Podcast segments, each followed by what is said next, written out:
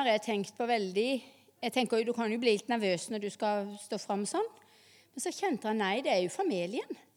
Vi trenger ikke være redd for hverandre hjemme. Da kan vi liksom dele det som vi syns er viktig. Det syns jeg vi skal begynne å tenke mye på, alle sammen. Og så må du ta opp hånda når du sier det er greit.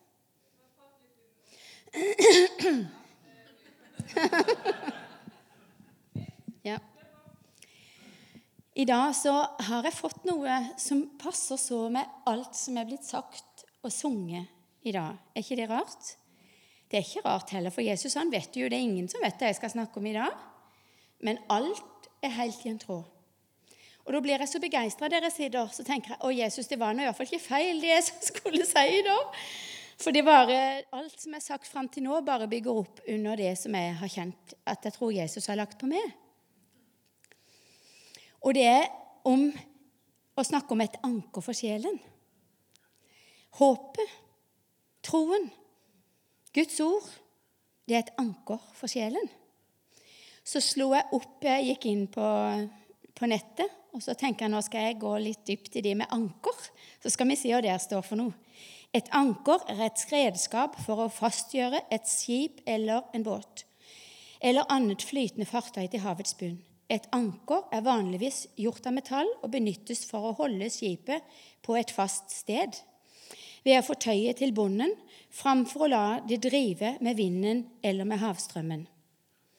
Det var den ene forklaringen. Og det andre var at anker er et redskap som sammen med eh, et ankertau eller kjetting kan holde et fartøy fast i havbunnen, slik at, slik at fartøyet blir liggende på sjøen uten å drive av. Og så vet vi jo at Jeg hadde i hvert fall en onkel som var sjømann.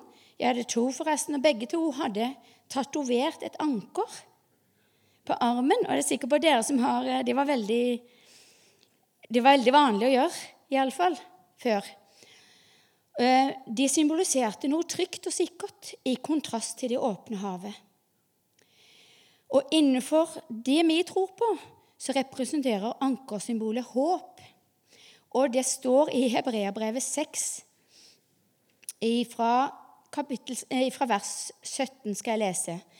Siden Gud var enda mer fast bestemt på å bevise for løftets arvinger hvor uforanderlig hans plan er, gikk han imellom og stadfestet det med en ed, for at vi ved to uforanderlige ting, som bekrefter at det er umulig for Gud å lyve, kunne ha en sterk trøst, vi som har søkt tilflukt ved å gripe det håpet som er satt foran oss. Dette håpet har vi som et anker for sjelen sikkert og fast, som når inn til det indre innenfor forhenget, dit Jesus gikk som en forløper for oss, og han er blitt øverste prest til evig tid etter Melkisediks ordning. Da ser vi her står det om dette håpet som vi har fått, som er et anker for sjelen. Og de når helt innenfor forhenget. Og da tenker jeg jo at her er det jo De når helt inn der vi skal leve evig òg. Det er ikke noe som forandrer seg. Har Gud sagt noe? Han er ikke en Gud som kan lyve. Det er sant, det han har sagt. Og det blir som han har sagt. Og det tenker jeg er viktig å, å se på. Hva er det som gir håp? Som en troende har vi tro på en Gud som er mye større enn oss selv og vår egen styrke. Og Det er jo det som er troen og håpet for oss. Det henger helt sammen. For Kristus, Jesus, han er vårt håp. Troen på Jesus og hans frelse gir oss håp om evig liv. Og troen på at Guds ord er sant, og at det han sier, vil han gjennomføre. Og så tenker jeg, stiller jeg meg et spørsmål. Kan troen på Guds ord og hans løfter gjør at vi kan stå i all slags vær? Når vi tenker på dette her ankeret Når du ser for deg den båten Jeg så for meg denne båten, store båten som var ute i sjøen. Og du så det kom en voldsom vind. Hadde ikke den båten hatt ankeret festa i bånden, så hadde jo den blitt dratt med overalt, over hele havet der. Ikke sant? Men når du har et anker festa fast i bånden, så kan det storme, og båten humpler jo opp og ned og fram og tilbake, men den ligger allikevel på samme sted. Og det er her det vi skal prate om i dag. Åssen Guds ord kan skape denne tryggheten i oss og gi dette håpet og den troen på at det Gud har sagt, det står han ved. Eh, og Jeg tenker, jeg har lyst til at vi skal få et eksempel på at Guds ord holder, og det Gud har sagt, det står han ved. Og Derfor har jeg utfordra Helga litt i, i, dag. Og Det var så rart. når jeg, gikk, jeg var ute og gikk tur i går, så datt Helgas navn ned i meg. At jeg skulle spørre henne for å få en sånn helt konkret fortelling om hva Guds ord kan gjøre i ens liv, og at Gud står fast ved det han har lovt. Vær så god, Helga.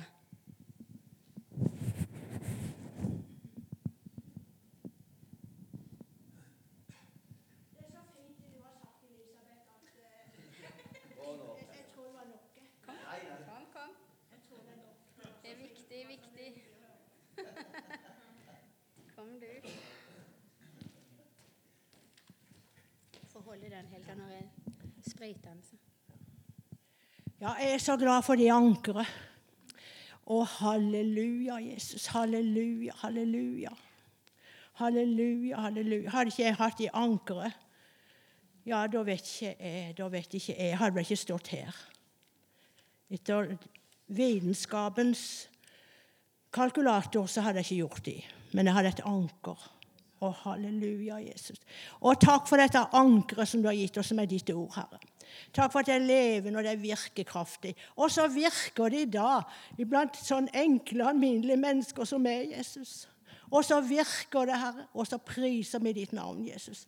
Og jeg priser deg for at ditt ankre, budskap om ankeret skal lyde ut i denne forsamlingen, så det ljomer i Froland, Herre. Så menneskene blir dratt inn til det. Det er du mektig til å gjøre. Du er mektig til å gjøre det, far, og vi priser deg. Amen, amen. Ja Mitt vitnesbyrd. Å oh, ja. Mitt vitnesbyrd, ja.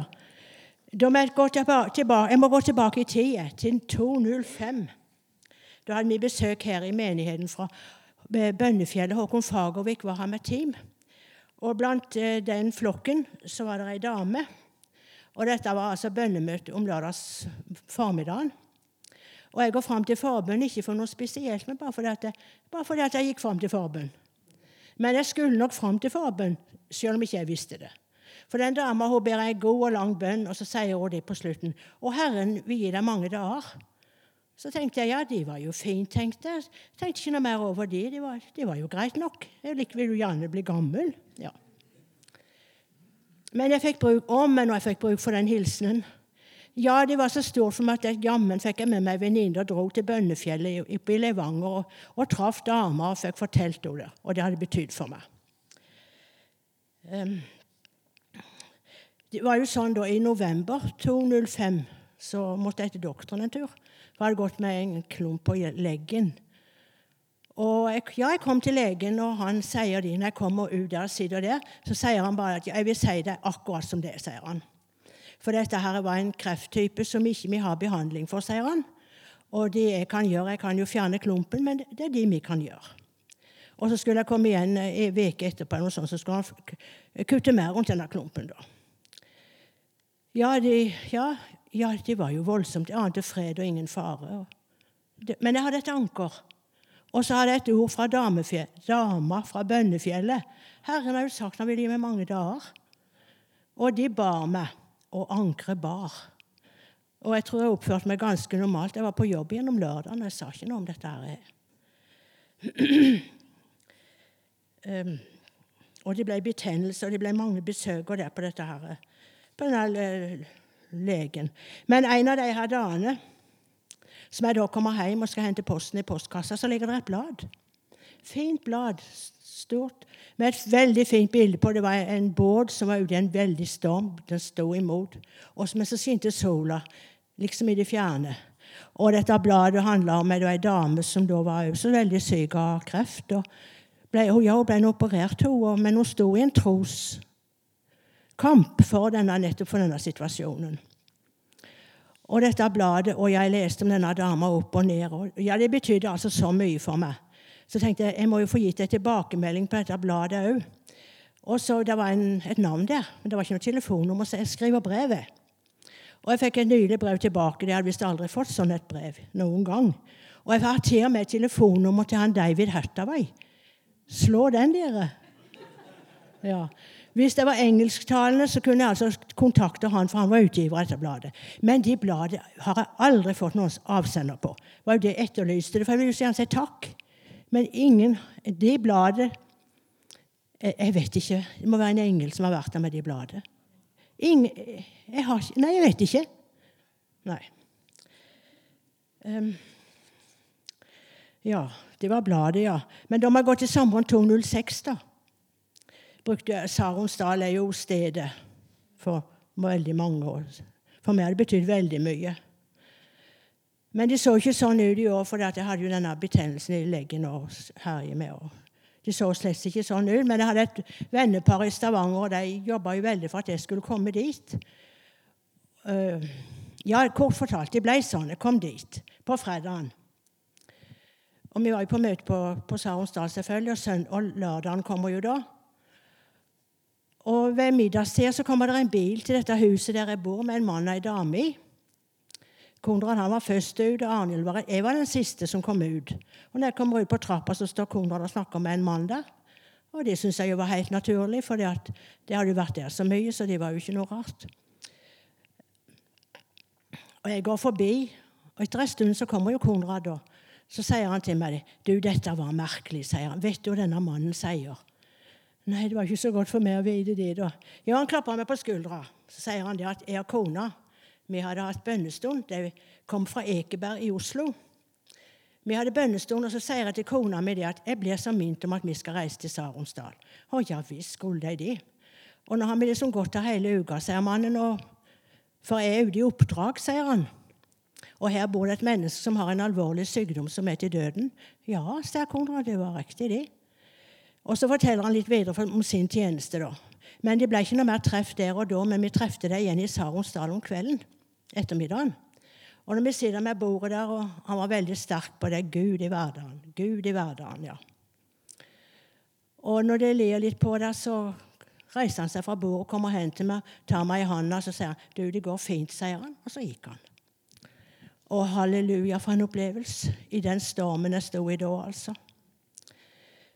Eh, og vi har Senere så har vi jo hatt kontakt hele tida, hele veien. Um, så har jeg altså en, um, en opplevelse til. Det er Salme 91. Den må dere høre. Eh, det var i august 2007. Eh, for denne kreften forlot meg ikke momentant. Den fikk jeg lov til å leve med i flere år. Det kunne gå år imellom en klump, og så kom det en ny klump. Ja da. Men Salme 91 var min cellegift. Den har holdt. Og jeg hadde da vært der ute og kutta, ja. Og så kommer jeg hjem om kvelden og har lagt meg. da. Ja, jeg lagt meg.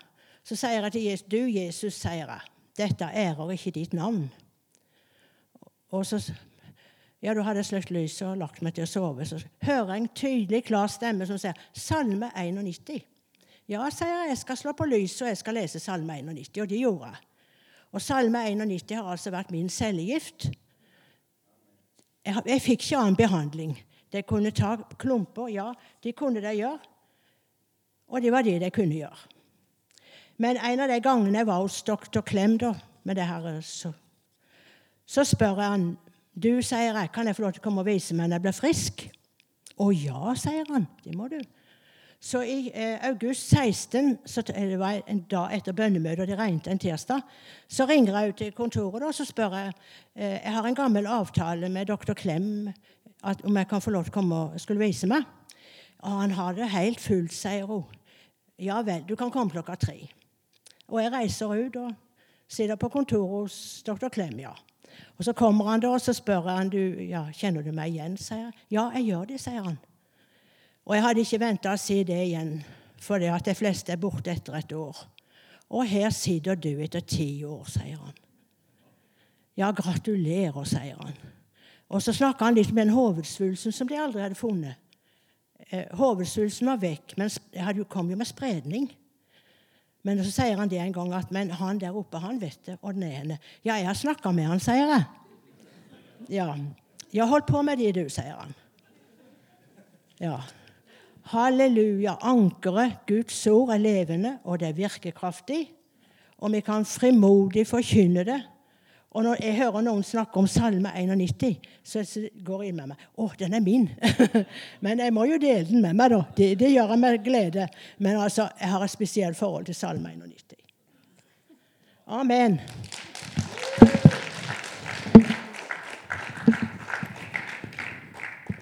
Er ikke det fint? Det er veldig fint å få sånne konkrete eh, svar. Og som, som, folk har opplevd virkelig at Guds ord holder. Og det er jo eh, har, eh, Dere vet jo dere, Mariann har jo, hun har jo av og til vitna her om hennes liv. Eh, og det, når jeg snakka med henne før jeg skulle tale dette her, så, så, sier, hun, så sier, jeg til henne at eh, Kan jeg få lov å nevne noe, noe, som har med det å gjøre? Ja, det kan jeg, sier hun. For Mariann har òg gått igjennom mange vanskelige ting i livet. Og tar jeg jo bare som en, et eksempel, og vi vet jo at det er mange andre òg som har det, bare på forskjellige områder. Eh, men så sier jeg, hvordan greier du eh, hvordan greier du å beholde freden? Og da sier Mariann jeg løper til fredsfyrsten. Og det er det som er hemmeligheten, tror jeg.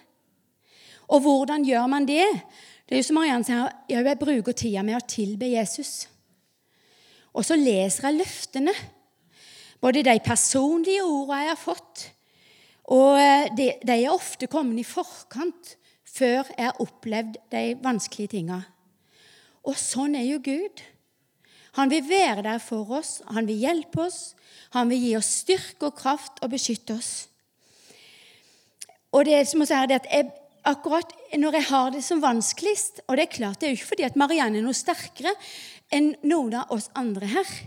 Marianne er heller et kjempestort følelsesmenneske. Og da vet vi at de skvetter opp og ned, for sånn er jeg òg.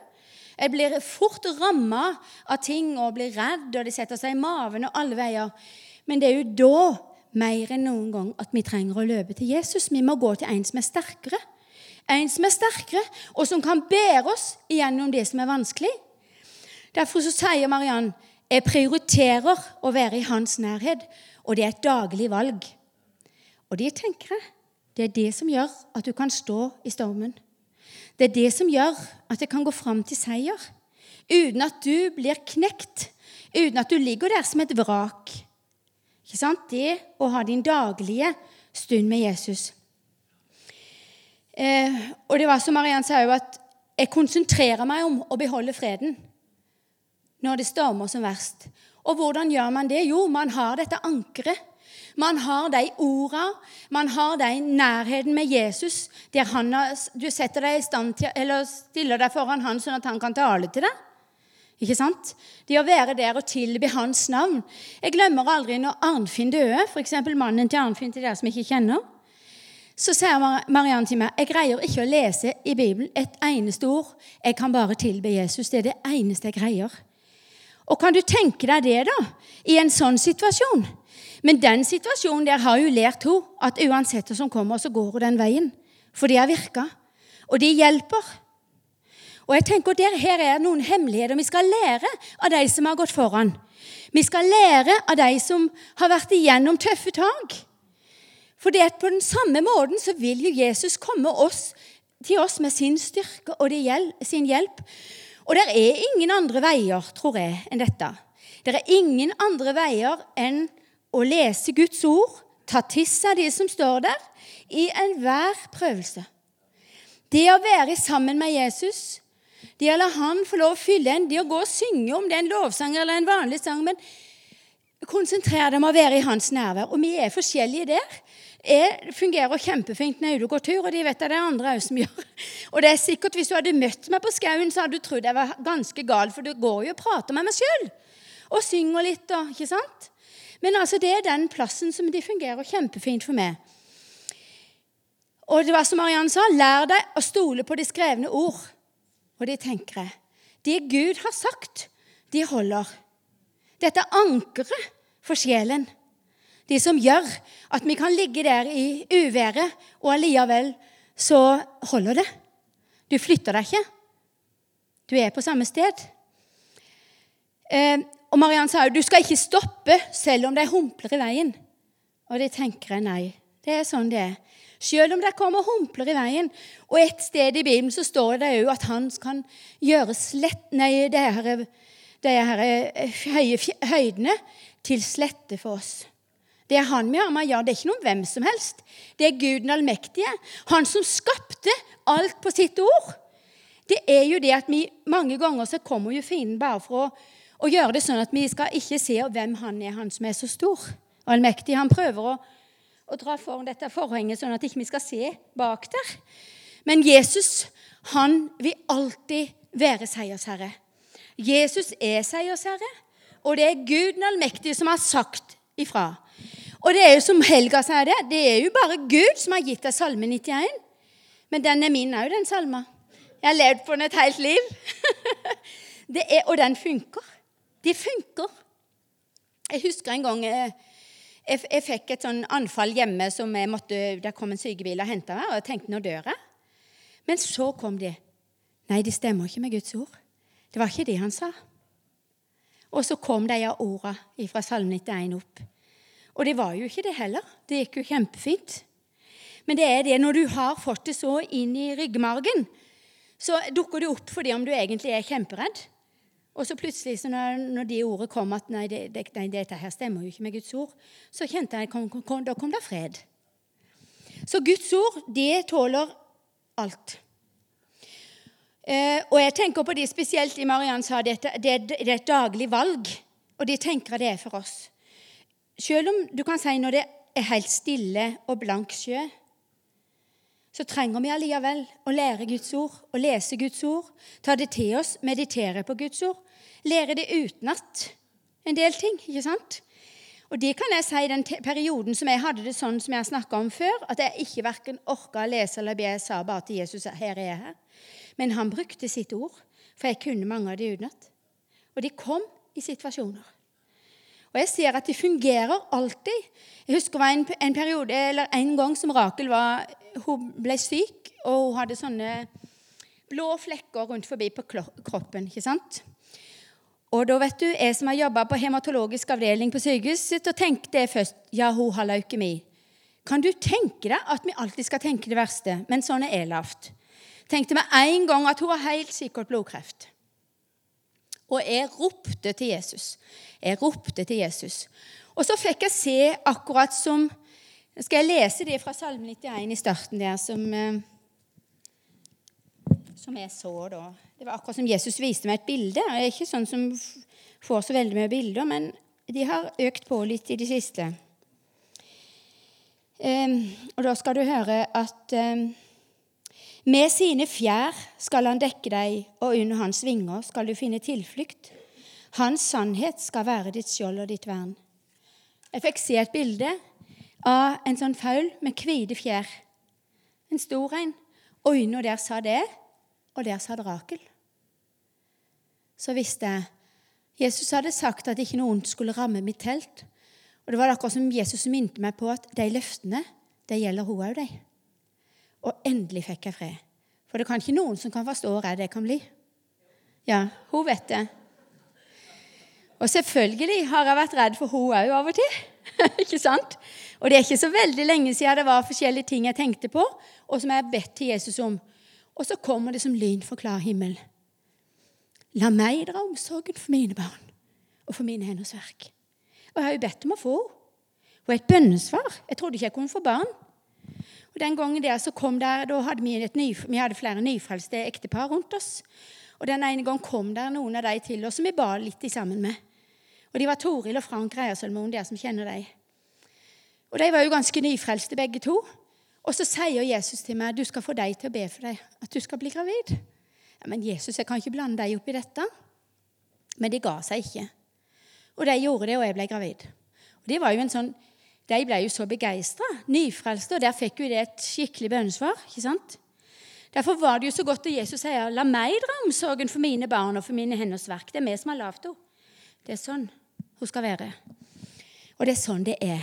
Og jeg tenker Guds ord, når vi kan det utenat, når vi har ting som kommer til oss sånn, så er det så det er så styrkende.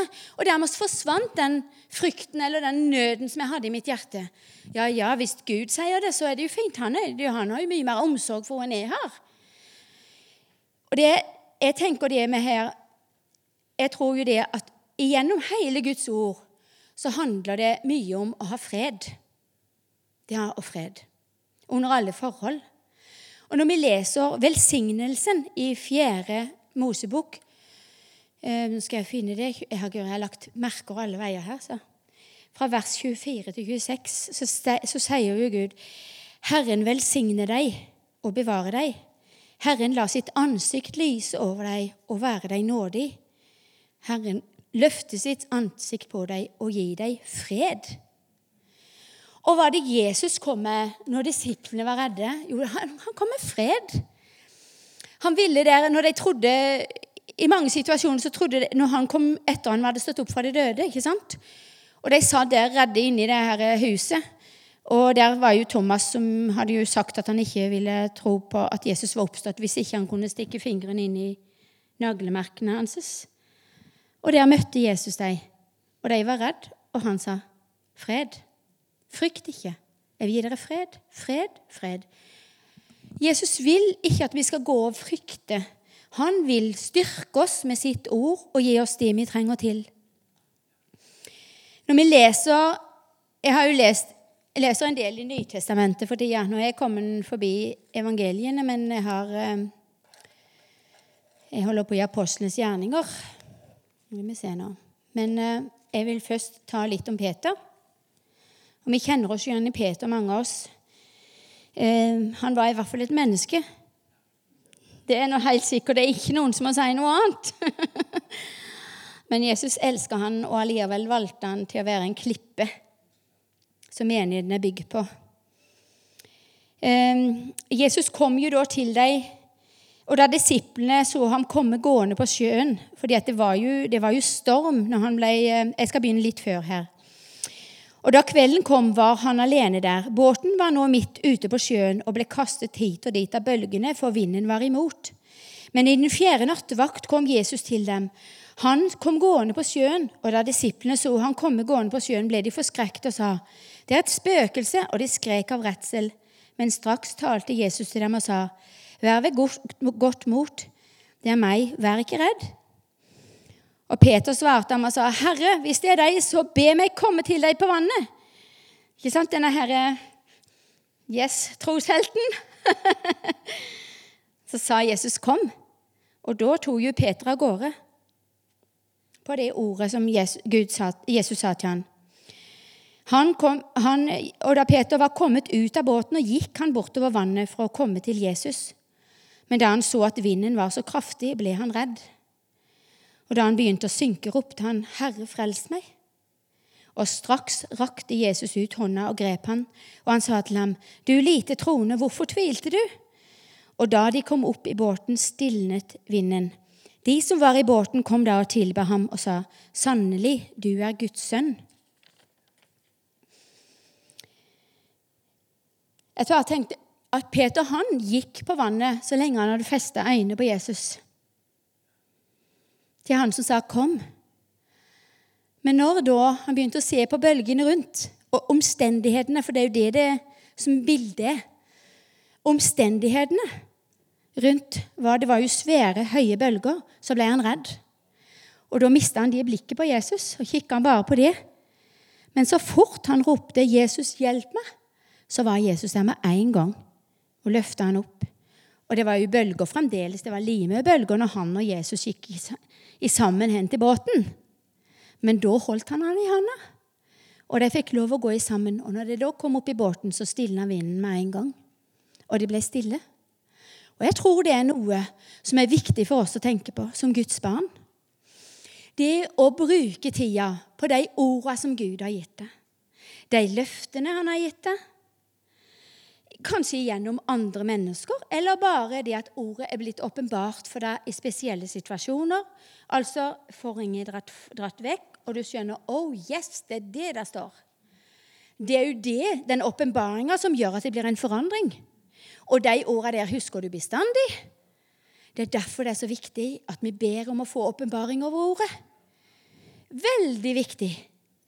Og jeg tenker i, en periode Vi er jo på forskjellige steder i livet, alle sammen. Noen ganger så vi, leser vi mye i Bibelen, og ting du kjenner bare hvordan det blir til mat for, for deg. For sjelen din og for ånden. Det blir jo sånn, til sånn mat. Og andre ganger syns du det er som å ete tørt knekkebrød uten smør og syltetøy. Eller, ikke sant? Vi kjenner jo til dette, alle sammen. Um, og jeg har i flere år kjent at jeg har gått en ørkenvandring. Så hadde vi, Det er bare for å vise at Gud ser oss i alle situasjoner. Jeg, de var her eh, i sommer. Så sier Unni og Gunn til meg vil ikke du være med oss hen på et møte i Skien. Ja, de kan jeg jo alltids være med. Og Så jeg reiste med dem, og det var et kjemperart møte. Jeg syns det var så rart at Jeg er vant med mye rart, men de var veldig rart.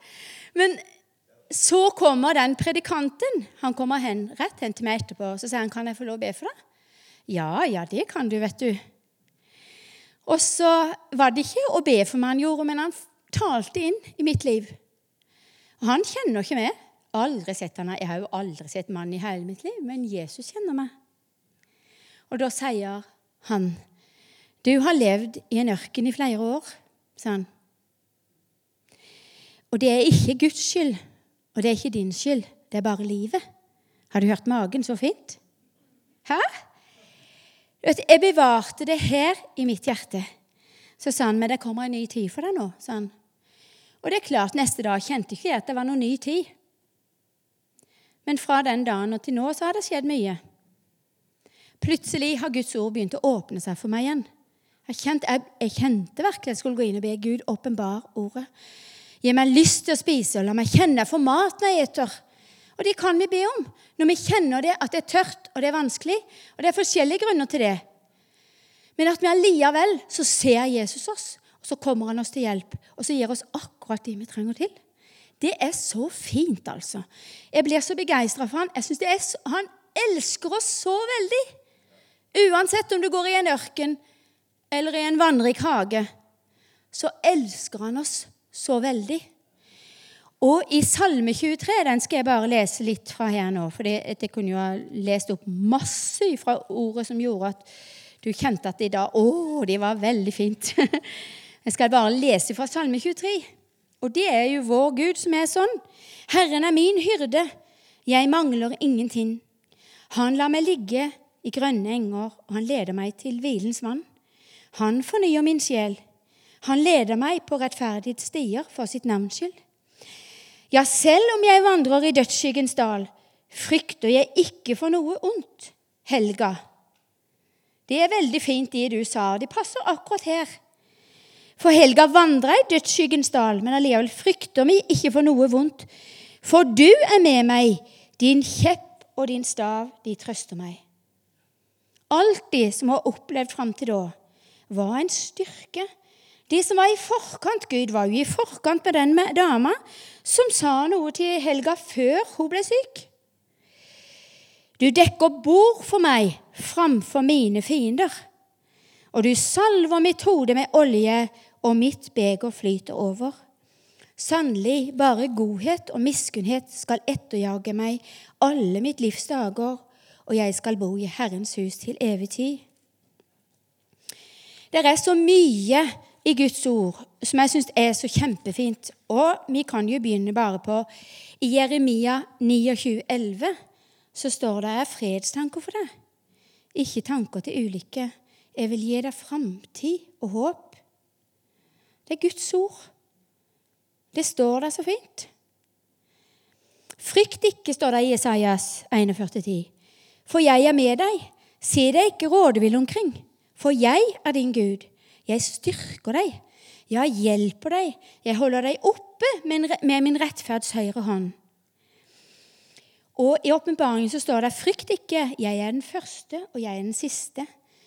Det å, for, det å, forstå faktisk enda mer Vi kan be om det òg, at vi skal forstå det enda mer. Og hvem det er vi har med å gjøre. Det er kraft i Jesu navn. Han vant seier på Golgata kors. Der overvant han fienden. Står det. Ja, men vi ser ikke så mye til det sånn rundt i verden. Nei, for denne verden den, i, den ligger i det onde. Men vi har fått Hans navn til å overvinne. Til å være med og spre Hans budskap, både gjennom å tale og be for syke, være med og gjøre Guds under og vise hvem Jesus er på denne plassen. Være fylt av Hans kjærlighet. Skal vi se, Nå har jeg, nå er snart igjennom alt sammen. Jeg skal bare finne et ord til. Der var det. Det er et ord som er, gjelder spesielt for meg, som er så lett å bli, for å frykte og bli redd for ting. Men det tror jeg det gjelder mange her. Der står vi i, Fil, i Filippens, i Filippensene 24, ja. Vær ikke bekymret for noe. For noe? Vi har lett å tenke ja, det kan være sånne småting, og sånn, det er det lett, lettere for. Men nei, det står noe. Det gjelder alltid. Men legg alt du har å be om, frem for Han i bønn og påkallelse med takk.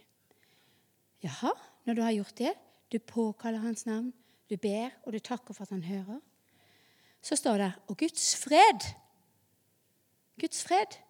Han vil at vi skal ha fred. Alltid. Guds fred, som overgår all forstand, skal bevare vårt hjerte og våre tanker i Han. Er det ikke ofte her det er ofte her det står, oppi tankene. Det er ofte de som forstyrrer og vi mister freden. Men da må vi gjøre sånn som Mariann sier, at du bestemmer deg for at du hver dag leser ordet, tar vare på den freden, jobber med å beholde freden. For Jesus han er fredsfyrsten. Han vil at vi skal ha fred. La Guds fred råde i hjertene deres, står det. Og vi kommer ikke utenom dette her med å ta til oss av Guds ord. Vi gjør ikke det. Det er det det handler om for oss som er frelst. Det er å ta til oss av Guds ord, spise det, til vi kjenner at nå fester det seg. Og dere som har fulgt med på de eh, små snuttene vi har på nettet av og til, så snakka jeg akkurat der om å bygge en grunnvoll med Guds ord på det, å jobbe med de tingene som en er svakest på. Begynn å bruke Guds ord. Finn de ordene det handler om. Kanskje det er noen ord som mennesker har gitt til deg, som gjelder spesielt for det. For det er jo typisk Jesus å gjøre det. Og han sier det ikke bare én gang, han sier det gjerne flere ganger. For at du skal være helt sikker på at det er han. Det er det som er så fint. Han slipper oss ikke. Vi er hans barn. Han elsker oss. Og hvis vi søker han, så finner vi han alltid. Og det er gjennom Guds ord det å være sammen med han, snakke med han, så han kan snakke, snakke til oss. Og det gjør han på forskjellige vis. Men han elsker oss alle like høyt. La oss være enige om at han, vi har dette håpet, og bruk, ha det som en sånn anker for sjelen. Nina Sundsli er så opptatt av det når vi har vært i bønn og sånn. og noen ganger snakker stadig om dette her, at Guds ord som er en anker for sjelen. Dette håpet, den troen vi har. Og det å stå fast på Guds ord for de tingene som vi har fått, de tingene vi tenker på, våre barn, forskjellige ting. Mariann har jo bedt for sine unger i flere år og stått på Guds ord når det storma som verst. Spesielt for en Helge. Når det storma som verst, så har hun allikevel fått stadig nye ord og brukt de ordene hun har fått i den situasjonen til hun fikk fred. Jeg har jo stått ved sida og sett. Og i dag har hun fått bønnesvar. Ikke sant? Guds løfter står fast. Guds løfter holder. La oss bli enige om å blåse støv av Bibelen og begynne å ta til oss av det som står der. Og be Gud gi oss ordene og bruk, Skriv opp de ordene du får. Kanskje andre, noen hilsener gjennom profetiske ting. Det er mange måter Jesus taler til oss på. Og Jorunn, eh, Vatne hun sier bestandig det er så viktig med kor for alle, sier hun. Fordi at lærer, vi lærer de sanger. Og de sangene kan Gud bruke når de trenger det. Er ikke det lurt? Du snakker om å ha det liggende i hjertet sitt.